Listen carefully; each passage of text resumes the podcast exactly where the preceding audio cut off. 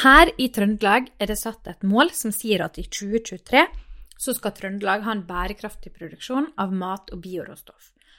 Men hva betyr det, og hvordan jobbes det med det her? For at noe skal være bærekraftig, så må det jo være bra for klima og miljø og sosiale og økonomiske forhold. I dag står aktiviteten fra hele matsystemet for om lag 21-37% av det totale menneskeskapte klimagassutslippet. Om alle i verden skulle spise slik som vi gjør, så måtte det ha vært 67% mer dyrka jord på planeten enn det er i dag. Samtidig kastes rundt 25% av maten som mennesker kunne ha spist. Så her tegner det seg opp et system som ikke fungerer helt optimalt, kan du si, spesielt om vi vil at alle mennesker skal få god mat i dag og i framtida. Så om vi her i Trøndelag skal få laga en bærekraftig matproduksjon til 2030, har vi en liten jobb å gjøre. Fylkespodden har tatt en nærmere titt på hvordan ulike trøndere gir sitt lille bidrag for at vi skal nå dette målet.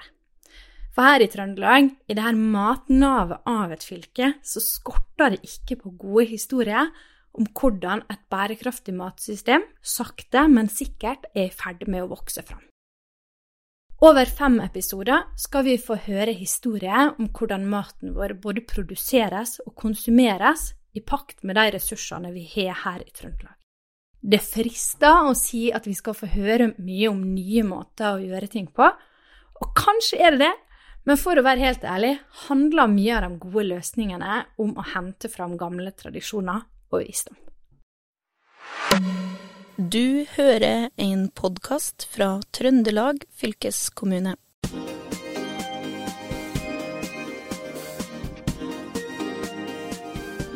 Her i fylkesborden har vi jo ståltroa på at det sunne bondevettet er løsninga på egentlig de fleste utfordringer, også de store utfordringene som vi står overfor.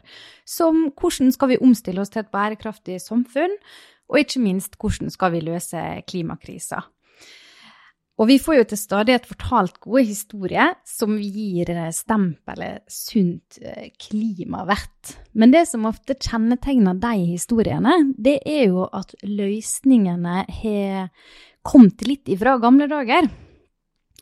Man har gått tilbake igjen til gode, gamle, tradisjonelle måter å gjøre ting på. Og dette her med bondevett og gamle tradisjoner, det passer jo godt sammen. Men hvordan er det hvis framdrifta er ny og teknologisk? Henger bonden med da? Med meg som programleder i dag har jeg Håvard Seiner. Hva tror du, Håvard? Tror du bøndene har omstillingsevne hvis det betyr å ta i bruk ny teknologi? Ja, det tror jeg definitivt. Det har, jo, har de jo vist allerede, at eh, de henger med, og vel så det. Og jeg har jo møtt mange gårdbrukere, og det er et fåtall som ikke er interessert i å ta i bruk ny teknologi, altså. Så hvis det er noen du skal snakke med om teknologi, så tror jeg det er eh, gårdbrukere, altså. Ja, ikke sant. Og jeg tenker det må jo gi oss i eh, Trøndelag gode forutsetninger for å drive med bærekraftig omstilling og bærekraftig matproduksjon, sant. Fordi vi har jo en veldig lang og stolt tradisjon for å drive med landbruk. Og Trøndelag står jo for omtrent 20% av eh, produksjonen i Norge. Eh, jeg har funnet et eksempel da, på vel anvendt bondevett og teknologisk nyvinning på eh, Mære landbruksskole. De har jo som eh, visjon å bli en nullutslippsgård. Uh, og på Mære landbruksskole så ligger jo også Landbrukets klima- og energisenter. Og de samarbeider tett med forskningsmiljø, gründere og gårdsbrukere i Trøndelag. Bygger et sterkt fellesskap rundt arbeidet med klima og ikke minst energi. Så de skaper jo mange innovasjoner. Og dette er en gjeng som de gjør så utrolig mye spennende. og et eksempel på hva de gjør, det er at de har tatt solcellepanel, og så bruker de det til lys i veksthuset sitt. Og overskuddsvarmen fra veksthuset lagrer dem og bruker til å varme byggene sine på vinteren. Så liksom ingenting går til spille. Så det er jo liksom godt gammeldags sunt bondevett, men i en veldig moderne, ny teknologisk eh, drakt. Så vi har rett og slett fått med oss eh, Tove Gystad fra Mære landbruksskole, utviklingsleder der. Velkommen til oss, uh, Tove. Tusen, tusen takk. Så en utviklingsleder på en landbruksskole, hva er det, hva er det du gjør, gjør da? Du, da prøver vi å se litt i glasskula, og så se hva er det landbruket trenger. Hvordan skal vi bygge opp utdanninga vår, sånn at vi får det beste grunnlaget for å få til, lønns, få til lønnsomt eh, landbruk framover. Så prøver vi å finne nye løsninger på ja, de store utfordringene våre. Vi har jo sett stort fokus på klimautfordringene på Mære. Og um, utover det, en ting jeg tenker på Jeg har, har jo hengt meg litt opp i disse her solcellepanelene dere har på veksthuset. Jeg har lært at når det er drivhus, da er det litt mer hobby. Når det er veksthus, da er det seriøst. Uh, og jeg tenker det må jo være ganske seriøst hos dere, for dere har jo et veksthus på det, 3000 kvadratmeter. Det stemmer. Men uh, det må jo nå bli en utrolig st høy strømregning. Ja, strømregninga på Mære er stort. Nå er ikke 3000 kvadratmeter veksthus ganske stort, da. Det er egentlig ikke det. Nei. Men uh, de som produserer mye, de har jo store, store areal. Så det med det veksthuset på Mære, så får vi til å gjøre ting som uh, også prøve ut ting. Så vi har eh, jobba veldig mye med hvordan vi skal ta vare på varmeenergien i lag med forskere fra NTNU og ei gründerbedrift. Så der har vi bygd opp et FoU-anlegg rundt eh, lagring av varme. Ja, og hvordan er det da? Er dere under utprøving, eller er det sånn at nå finner dere løsninger som man kan begynne å sette i liv hvis man driver, har et veksthus og gjerne vil ha ei litt lavere strømregning? Det er det jo mange som gjerne vil ha i disse dager.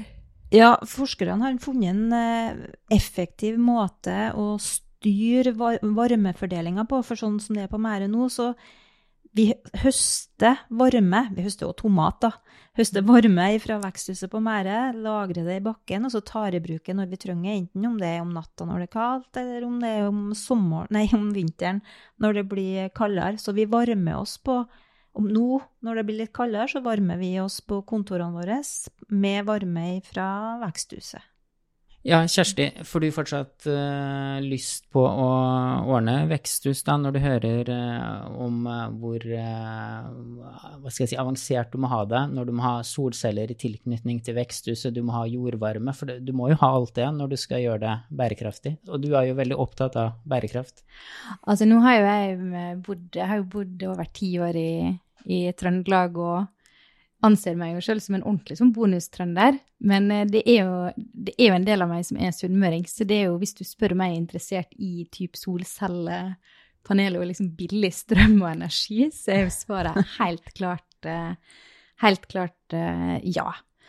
Og det som er, men det som også er vet du, med disse solcellepanelene, det er jo at de ligger jo ikke oppå sjølve veksthuset, Nei, for der må jo det komme inn lys. Står jo ved siden av og pumper inn.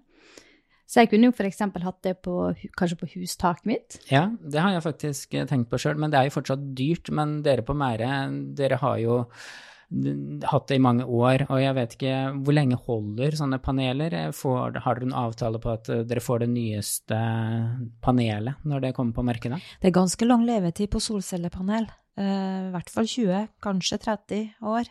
Og de, de går og går og går og produserer når det er Altså, ja, vi, vi er faktisk litt heldige i Trøndelag, da, for det er litt kaldt her. Da produserer solcellene aller, aller best. Mm. Sol og litt kaldt. Ja. Er ikke det ironisk at uh, når man har en veldig varm plass, så produserer de faktisk litt dårligere? Men dette her med liksom solcellepanel og liksom jordvarme, det høres jo veldig sånn eh, lett og bra ut, og veldig sånn sunt bondevett ut eh, også. Og spesielt nå når dette her med energi eh, og prisene på det har blitt så dagsaktuelt, eller blitt så høyt, da. Men så lurer jeg på, er det, er det en hake ved den løsningen her? Er, is it too good to be true? Altså, en av utfordringene våre på Mære det er jo at vi driver og utvikler. Vi, vi, deltar veldig tidlig i starten, sånn at da er det jo kostbare anlegg. Og hvis det skal være bærekraft, så må det òg være økonomisk bærekraft i det. Altså det må lønne seg. Det må være greit på bunnlinja. Så akkurat på varmelageret så har vi nok ikke kommet dit at vi ser at det er lønnsomt per dag. Solceller, der vet vi veldig mye om økonomien. Det er kjent teknologi, den er utvikla. Eh, begynner å bli billigere og billigere. Der er det en, en hake som går på de stoffene vi har i solcellepanelene, som kan være utfordrende. Så det er ja, på ene siden, ja, andre sida. Mm. Og sånn er det jo kanskje litt når man driver og forsker frem nye løsninger. Men jeg tenker dere må nå være ganske populære på Mære. For dere blir jo helt sånn nedrent av besøk. Dere har 1000 bønder eh, i året ca., hører jeg rykte om, som er inne. Ja. ja, det er fryktelig artig å jobbe på Mære for tida. Vi har veldig mye besøk, veldig mye deltakere på kursaktivitet, og ja, mye elever, ikke minst. Ja, for dere er jo også en eh, landbruks... eh, En videregående skole. Dere tilbyr videregående opplæring. Det er jo det vi er, først og fremst. Faktisk. Så er vi først og fremst en videregående skole for elevene våre. Ja. Det kan være fort å glemme når Ja. du har så mange spennende prosjekt. Det må være veldig morsomt å gå på den skolen som gjør så mye innovativt og er så utprøvende. Mange av elevene gir veldig uttrykk for det, og ikke minst foreldrene. Syns det er veldig fint med en eh, sånn skole som er frampå, da. Mm. Har dere merka at flere søker seg til skolen pga. den positive oppmerksomheten dere har fått, eller Det- får? Ja, det er sikkert mange grunner til økende elevtall. Vi har økt elevtallet med en eh, 30 de siste fem årene. Eh, vi tror en av grunnene er at vi jobber såpass mye med forskning og utviklingsarbeid. Mm. Og en som har blitt eh, tiltrukket til Mære landbruksskole, det er jo Atilla Haugen her. Vi har jo ikke presentert deg ordentlig, du kan jo si litt hvem du er, men du er jo ikke elev på skolen, men eh, du flyr over skolen, kan vi si. Ja. Eh, mitt navn er Attila Haugen, jeg er daglig leder og gründer i Byron. Eh, vi tok jo kontakt med Tove i forbindelse med å teste ut noen nye innovative løsninger som faller godt i det faget som de jobber med. Da. Så det gjør at vi har fløyet over den skolen eh, ganske mange ganger og gjort mye forskjellig. Så Mm. det er antallet den mest overflydde skolen i fylket. antar jeg. Og Kjersti, du har jo en drøm om å fly drone, du har bare sett på til nå. Jeg har bare sett på. Jeg syns det, det er litt, eh, litt skummelt. Jeg er redd for å ødelegge. Jeg har sett på når du Vi har flydd Ja. noen sånn Mm. dronefilm-greier. Jeg må jo innrømme, det er lenge siden da jeg fløy drone. Det var ute på hytta til svigerfaren min. Og så skulle jeg liksom vise at dronen kunne lande av seg sjøl. Og det var rett på en sånn platting rett ved campingvogna hans, da. Og så går drona sakte ned, og så blir den tatt av vinden.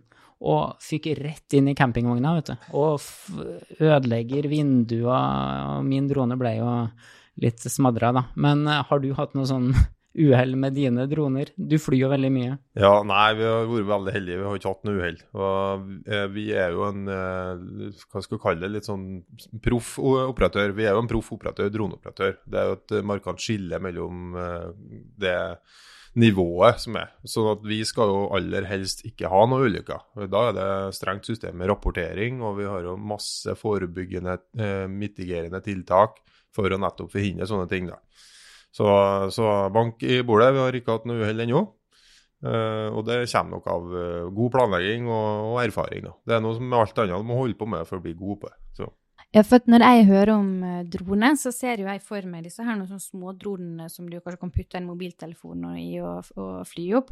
Er det, er det sånn dine droner ser ut? Vi har, eh, vi har til dem òg. Vi har alt fra dem som er mindre enn melkekartong, til dem som du må ha en stor varebil for å få med deg. Så det er litt sånn uh, forskjellige droner til forskjellige formål. Men droner, som eh, egentlig det er, nok, det er vel egentlig bare noe som flyr av seg sjøl, eller du styrer det fra bakken, så det er litt som modellfly på en måte. Men hva har det med matproduksjon å gjøre?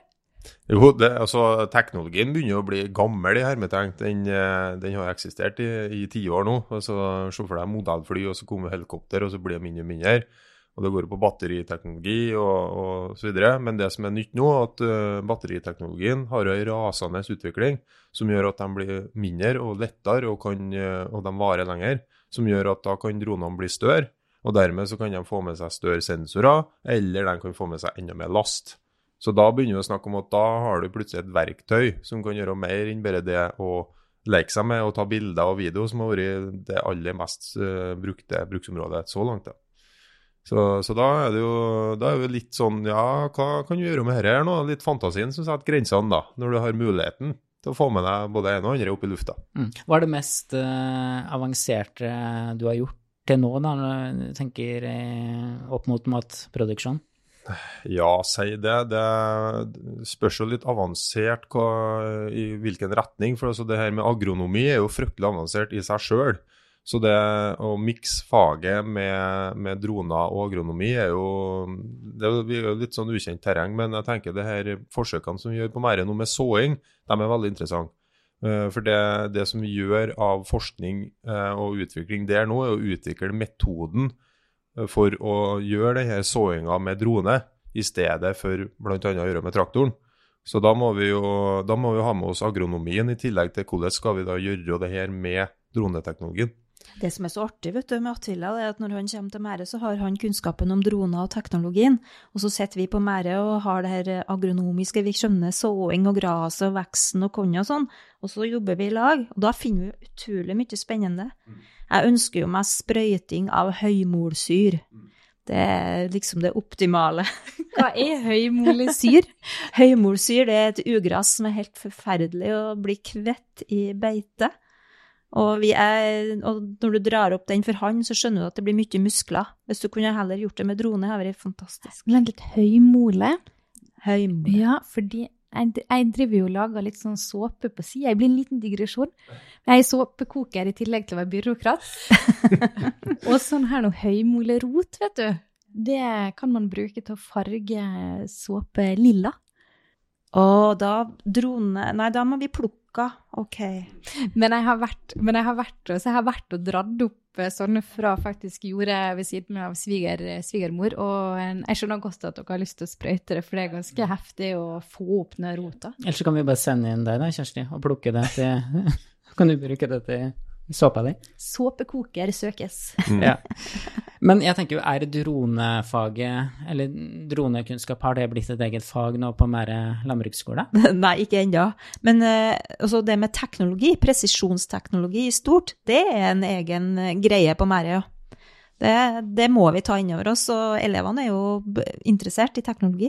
Mm. Men det er vel ikke bare på Mære, eh, tenker jeg, at man bruker drone. Er, du har vel sikkert noen konkurrenter rundt omkring i Norge òg som driver med akkurat det samme, eller er du liksom spydspissen på droneteknologi innenfor landbruket? Ja, nå er det faktisk sånn at Norge er en av de landene som er aller fremst i hele verden når det kommer til bruk av droner. Altså ta i bruk, eh, altså, ta i bruk teknologien til nye metoder. Uh, åpen for at regelverket gjør at man kan bruke teknologien osv. Så, videre, så, så Norge er et uh, foregangsland uh, globalt. Og vi har masse kollegaer i bransjen som jobber med inspeksjon og, og samferdsel, foto og video, åpenbart. Men vi er faktisk ledende aktør på vår nisje i, i Norge, som er dronetjenester til jordbruket og skogbruket. Så det er en liten klapp på skuldra til oss sjøl der. Og det er jo takket være at vi har hatt god kontakt med sånne som Mære og andre forskningsinstitusjoner, og at vi er litt sånn nysgjerrige, da. Se her, vi har en sånn teknologi som kan gjøre ditten og datten. Eh, dere har en problemstilling som eh, trenger sånn, sånn metodikk, så hvordan kan vi jobbe i lag med det her? Mm. Så snart så kanskje traktorer og sånn er helt uh, overflødig, da, at man sår fra lufta og slipper at jorda blir pakka og ødelagt? Jeg, jeg tror ikke at eh, altså Det kan godt hende at den fossildrevne traktoren blir overflødig. Det tror jeg helt sikkert. Men at vi kommer til å ha en kombinasjon der vi nytter ut droner til det den er god på, har roboter til å gjøre det de er gode på, og kanskje en traktor til å gjøre det aller vanskeligste. Mm. Men jeg vet jo at du har sagt til meg før, Tove, at uh, man må ikke glemme uh, gårdbrukeren oppi der og kunnskapen. Den kommer aldri til å forsvinne. Den, eh, man må ha en person som er uh, genuint interessert i å lage mat, uansett hvor ja, langt hvis, hvis du skal, ja, hvis du skal utvikle teknologi og få droner til å fungere, så må du forstå, eller du må ha med deg fotosyntesen. Det er fotosyntese hele veien. Så det, vi glemmer aldri gårdbrukeren og den som forvalter fotosyntesen. Så med disse her dronene og potensielt robotene og all denne her teknologien, man risikerer ikke en, eh, en sånn her nå hvor roboten tok jobben min situasjon for, eh, for bøndene våre? Uh, nei, nei, det tror jeg absolutt ikke. Det blir bare en annen måte å altså, Gårdbrukerne er kjempegode på å ta i bruk ny teknologi. De er kritiske. De tar i bruk teknologi som de har bruk for, og som flytter dem framover. Det er liksom hele drivkrafta. Så nei, jeg tror ikke vi kommer opp i en sånn problemstilling. Vi snakker jo hele tida om at uh, stort sett så er droneteknologien, eller teknologi generelt, da, et supplement til det man har fra før av, og så bygger man videre. og så Til slutt så kan det jo bli en erstatning. Uh, men, uh, men, i forhold til droner så er jo, er jo det et supplement til det man har i dag. Men da er det et supplement i forhold til at da kan jo bonden heller bruke tida si på andre ting som er mer verdifullt at han eller hun gjør. Eller at det kanskje er risikoreduserende å bruke roboter og, og droner til å gjøre den jobben. Eller f.eks. sånn som det er i mange tilfeller, både jordbruks- og skogbruk, så er det jo informasjonsinnhenting med roboter og droner som gjør at bonden som sitter med beslutnings... Eh, som sitter og skal ta en beslutning basert på den informasjonen eh, bonden har, kan gjøre, den, eh, gjøre, en langt bedre vurdering. da. Mm. Et veldig godt eksempel på bruk av drone som eh, altså, Mister du ei kvig eller tre på fjellet, og du ikke finner dem, så kan du jo bruke droner til å lete ei kvig. Det er klart det er mye artigere å sitte i sofaen enn å sprenge eh, tre uker på fjellet etter tre kviger som er kommet ja. bort. Men Det er lov å lete etter kviger med drone, men det er kanskje ikke lov å lete etter kantarell og, og sånn med drone? For jeg har hørt om noen som flyr opp drone for å lete etter eh, sopp og Det kaller vi latskap. Multer. Ja. Det er latskap. Yeah. Ja. Det, er, det er jo luftfartsloven som regulerer det i forhold til nærhet til folk og om du flyr i verneområde og alt sånt. Vi har jo vi utvikla en algoritme som kjenner igjen eh, sopptyper fra lufta. Så er du skikkelig lat og vil være effektiv i tillegg, så bare varsku, så ordner vi det. Vi tar jo litt gleden ut av det. Det er så gøy! Man kan gjøre det. Å ja, nå er det sikkert mange sånne iherdige sopplukkere som sitter og vrir seg i stolen. Mm. Men det er litt sånn det funker, ikke sant? Bøndene er det som Tove sier, at de er veldig flinke til å tenke nytt, og de vil gjerne gjøre ting mer effektivt og mer bærekraftig. Så det er veldig ofte at vi får telefoner fra bønder og skogeiere som har sittet og tenkt. Og så ringer de og sier du, 'Jeg har en idé til deg.' Og så sitter vi, sitter vi en hærtime og diskuterer, da. Og så viser det seg at den ideen er jo knallgod. Det er jo gjennomførbart. Og så Noen ganger så kan den være helt ute på vidda, men det viser at folk har evnen og interessen til å tenke nyskapende og mm. innovativt. Mm. Mm. Og der er vi kanskje inne på noe interessant, for at, uh, vi er jo i Steinkjer nå. Og jeg tenker hvis du hadde hatt selskapet ditt Biodrone i Oslo, hadde det gjort det kanskje litt vanskeligere? Eh, ja, det tror jeg absolutt. fordi det er noe med å ha forståelse for hvordan ting fungerer i praksis. Det her som Tove nevnte med sprøyting, det, det, blir jo som å snakke om ulv i, i enkelte plasser. Det er veldig tabu. Eh, jo mer eh, sentrumsnært du kommer i, på Østlandet, dess mindre så snakker man om sprøyting. Selv om det, det er ofte eneste alternativet for å bli kvitt spesielt uønska plantearter. Så er, der har vi et veldig godt eksempel på at teknologien har kjørt fra regelverket. Fordi at eh, man, nå har man muligheten til å ta livet av høymorsyra, som, eh, som, er noe skikkelig svineri, som er vanskelig å bli kvitt, eh, med sprøyteteknologi fra droner. Som gjør det mer effektivt, mer bærekraftig, og reduserer risikoen til den personen som skal påføre plantevernmidlene, betraktelig. Men det er faktisk ikke lov. Fordi at det er gammelt regelverk som henger igjen, som sier at mm, mm, det, det, kan du ikke gjøre. Det er veldig inspirerende med denne her nå, litt sånn jeg tenker jo litt sånn det er en sånn folkesjelgreie, der man deler ideer og man samarbeider. og sånn Tove, du så, ja, og så kommer han til med en idé som kanskje er utvikla delvis i samarbeid med en bonde som har ringt inn. at man bare samarbeider ganske sånn åpent og ydmykt på en måte om å finne, finne gode løsninger, samtidig som man typ er i teta i, i verden, egentlig. Uh, og Tove, jeg lurer på hva er, det, hva er det neste dere skal til, ta til med på Mære nå? Hva er, hva er drømmen for framtida? vi har ikke bare én drøm, men vi håper å um, bruke landbruksskolen til å ja, forandre verden. Vi ønsker å bli en nullutslippsgård. Og så prøve for å få til nullutslipp fra en gård, da er vi nødt til å jobbe med veldig mange forskjellige ting. Da må vi jobbe med fòring av kuer, dyrevelferd, vi må montere flere solcelleanlegg, vi må ta i bruk droner mer, vi må bygge et biokullanlegg. Masse ting skal vi gjøre framover. Det blir kjempeartig å jobbe med det her. Jeg kan jo kjenne det noen ganger når det er snakk om sånn at vi må kutte utslipp og det er, liksom, det er krise med klima og alt sånt. Det kan jo bli altså, ordentlig sånn nedtrykkende informasjon, og dette her med liksom kutt i klimagassutslipp, det høres jo bare ut som at jeg skal miste masse ting som jeg liker å ha i livet mitt. Og jeg, det, jeg tror ikke jeg er alene med å sitte med litt sånn den øh, følelsen, da. Men dere på Mære, dere har jo tatt en helt annen vinkling. Dere har jo bare vært sånn Å, oh, det her uh, gir oss masse mulig, muligheter. Hva er, hva er, det i vannet på Mære som førte til dette? Altså, nei, vi har jo helst ønska å sluppe i den klimakrisen, selvfølgelig. Det er jo dramatisk. Og jeg må òg nevne det at det er ikke bare en klimakrise, det er en naturmangfoldskrise. Så at det er begge deler inn. Så nei, hva som er i vannet? Jeg tror vi, vi, vi må se framover. Vi må utvikle kunnskap. Det er kunnskap som bygger landet. Og, og, da bygger vi kunnskap i lag med gründere, i lag med forskere, i lag med elever, i lag med gårdbrukere. Mm. Jeg har i hvert fall lært uh, veldig mye i løpet av de minuttene vi har sittet her. Hva med deg, Kjersti?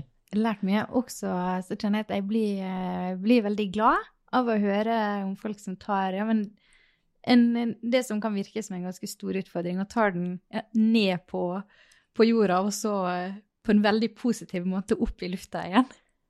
Tusen takk for at dere kom, Tove og Atilla. Det har vært kjempeinspirerende å høre hvordan dere jobber.